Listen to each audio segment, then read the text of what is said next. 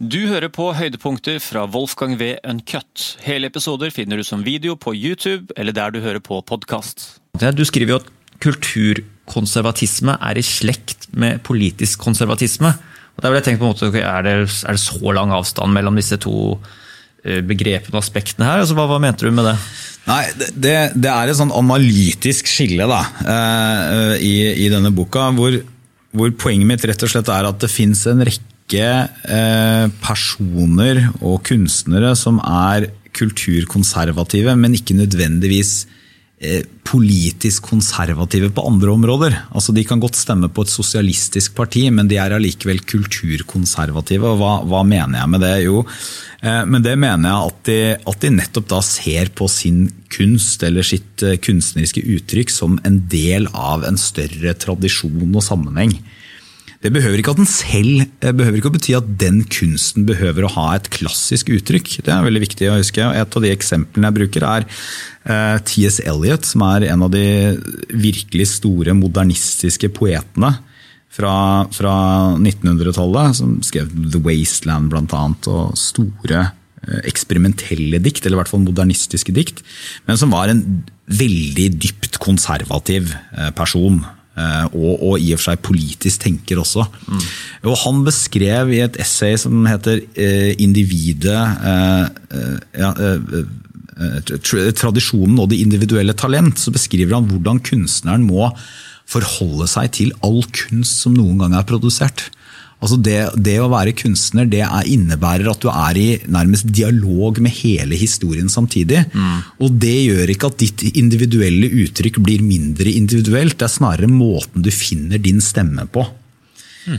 Eh, og det, eh, ja. Så er det jo også sånn at Kulturkonservatisme kan jo også være alt fra sånn arkitekturopprøret, eksempel, som jo du har hatt som gjester gjester ja. her, mm. til um, Eh, ja, til diskusjonen om hvordan vi forholder oss til klassikerne, eh, og hvordan vi klarer å gjenskape eller skape noe nytt, mm. men uten å, uten å, glemme eller se bort fra tradisjonen. Har du fått med avkoloniseringen av klassisk musikk nå, eller? definitivt. Jeg har fått med meg det også. Um, er det på ja. tide å avkolonisere det, eller? Nei, jeg vil jo ikke si det, men jeg vil si at det er, dette er en typisk altså Det er så mye det er så mye som kunne vært en interessant samtale hvis man ikke startet med å formulere dette som et aktivistisk krav. Mm. Hvis man isteden, hvis man var interessert i å se eh, er det en historisk kontekst for også denne klassiske musikken, eh, og, og, hvorfor er den annerledes enn den musikken som er utviklet i andre land eller andre sivilisasjoner. Altså Klassisk musikk som vi kjenner den, er jo i stor grad et, et vestlig fenomen som vår klassiske musikk. Og den har fått global utbredelse, egentlig. Mm. Men i det øyeblikket man starter med det som en sånn aktivistisk agenda hvor, hvor ikke, ikke spørsmål er å forstå mer, men nå må vi avkolonisere tre utropstegn etterpå. Mm. Og så må vi legge dette under kritisk analyse. og så eh, og så, og så, er det noe sånn historieløst og litt lett med det, syns jeg. Eh, så syns jeg det er problematisk altså, og litt, litt, sånn håpløst. nesten. Hadde jeg kjøpt tankegangen og stått på andre sida, så, så det, ofte tenker sånn, hvorfor går man ikke så mer taktisk inn i det? Som for eksempel, sånn, måte, du, for eksempel når andre parten sier sånn ja, Hvis du ikke greier å innse eller innrømme at du, at du er allerede en rasist i det du setter på et klassisk musikkstykke, så er det sånn, da mister du liksom meningsmotstanderen din fullstendig. Da. Det ja, du, som, uh, og, det er, og, det er, nettopp det. Altså det, det, det å, for Akademia skal jo være eller hele, vi, vi ønsker jo et samfunn som stiller spørsmål, utfordrer vedtatte sannheter, har en levende diskusjon. Mm. Men det er veldig vanskelig hvis den, hvis den diskusjonen starter med at eh, eh, jeg har nå funnet sannheten, og alt det du mener er feil. Mm. Eh, og, det, og, det, tror jeg også denne klassisk musikkdiskusjonen er, eh, er, et eksempel på. Selv om de mener jo ikke at du er rasist fordi du hører på Beethoven. Det er, ikke, altså det er en eh, ekstrem spissformulering. Men, men, men, men, det er det er jo også for øvrig da, en, et, et, det er et veldig spesielt kunstsyn hvis man mener at eh, alt av kunst og kunstneriske uttrykk er så tungt formet av samfunnsstrukturene at det ikke er noe rom igjen for individuell skaperevne mm. og kreativitet, og av og til også geni. Men det er klart det er, eh, når Bach komponerer, og han komponerer jo fortløpende, så komponerer jo han for kirkesetting, og det er selvfølgelig helt avgjørende for å forstå eh, Bachs musikk og hvilke uttrykksformer han velger og hvilke settinger det skal passe inn i. Mm. Men, men, jeg ville jo sagt at hvis jeg hadde vært en sånn universalistisk tenker på venstresida, så ville jeg vært mer opptatt av hvorfor er det noe allment, tilsynelatende i hvert fall, noe som også appellerer allmennmenneskelig, i hvert fall på tvers av kulturer, med denne musikken. Mm.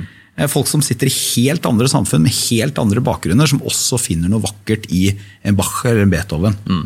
Det er sånn underlig også altså når det kommer fra så unge mennesker. altså på en måte Tilbake til den skråsikkerheten. og Det er nesten sånn beundringsverdig at man sånn at man står så sterkt i troa på noe, kontra mot mennesker som har levd 50-60-70 år og har en enorm livserfaring og på en måte har sett alle sider av diskusjonen sikkert to-tre ganger gjennom sitt liv. da. Altså, man har funnet ett prinsipp, og dette, dette, minner jo veldig om den deler av den ytre venstre vekkelsen som vi hadde i, i egentlig hele verden på 70-tallet. Hvor, hvor, da fant man, da, da fant man at, eller mente man at eh, denne type verdier, normer, kulturuttrykk, kunst, den er borgerlig. Den er med på å opprettholde eh, herskerklassens grep om folk, mm. proletarene i samfunnet, og derfor må den bort eller erstattes eller endres. eller noe sånt.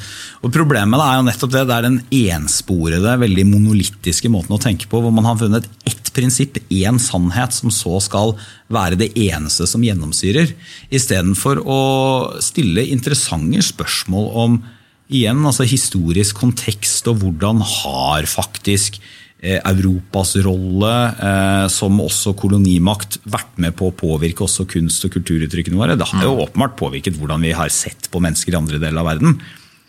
Så kan man jo si i en enda større sammenheng, da, det, er noe, det er jo heller ikke noe unikt. altså Rasisme, eh, undertrykkelse, kolonisering er jo ikke en vestlig oppfinnelse, men det har fått sitt egne særegne uttrykk i vår historie. Mm. Det, er også den der, den der underbevisste eh, rasismen. Som på en måte du er rasist, du bare vet ikke helt ennå. Det, er sånn, det er et merkelig utgangspunkt også for eh, forutatthet og, eh, og den skråsikkerheten igjen altså på en måte gjør at jeg tror at de diskusjonene faller. Som, jeg tror jeg, jeg er enig med at de diskusjonene kunne vært interessante, men at de, de er, liksom, er spor av fra første øyeblikk. da. Jeg, jeg, jeg, tror jo at hvis vi, er, hvis vi, er, litt kloke og litt heldige, så vil vi klare å ha en del av de diskusjonene eh, med innestemme på en vanlig måte.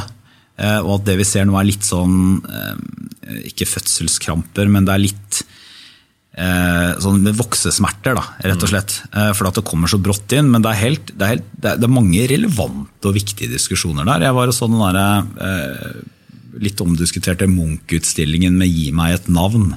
Ja. Eh, vet ikke om du har fått med deg den? Han, ja. Og den syns jeg faktisk var, um, var, var, var, Den var ganske bra også i forsøket sitt på å problematisere og tematisere mm. eh, hvordan har man sett på eh, mennesker da med afrikansk opprinnelse da, i, i andre tider. Eh, og så uten at man, eh, så gikk man kanskje litt langt i å forsøke å liksom antyde ting om Edvard Munch og hva han må ha ment. og sånn, Det vet vi jo veldig lite om. Mm. Men, men, det er i hvert fall et forsøk på å gjøre dette med en viss grad av innestemme. da. Mm.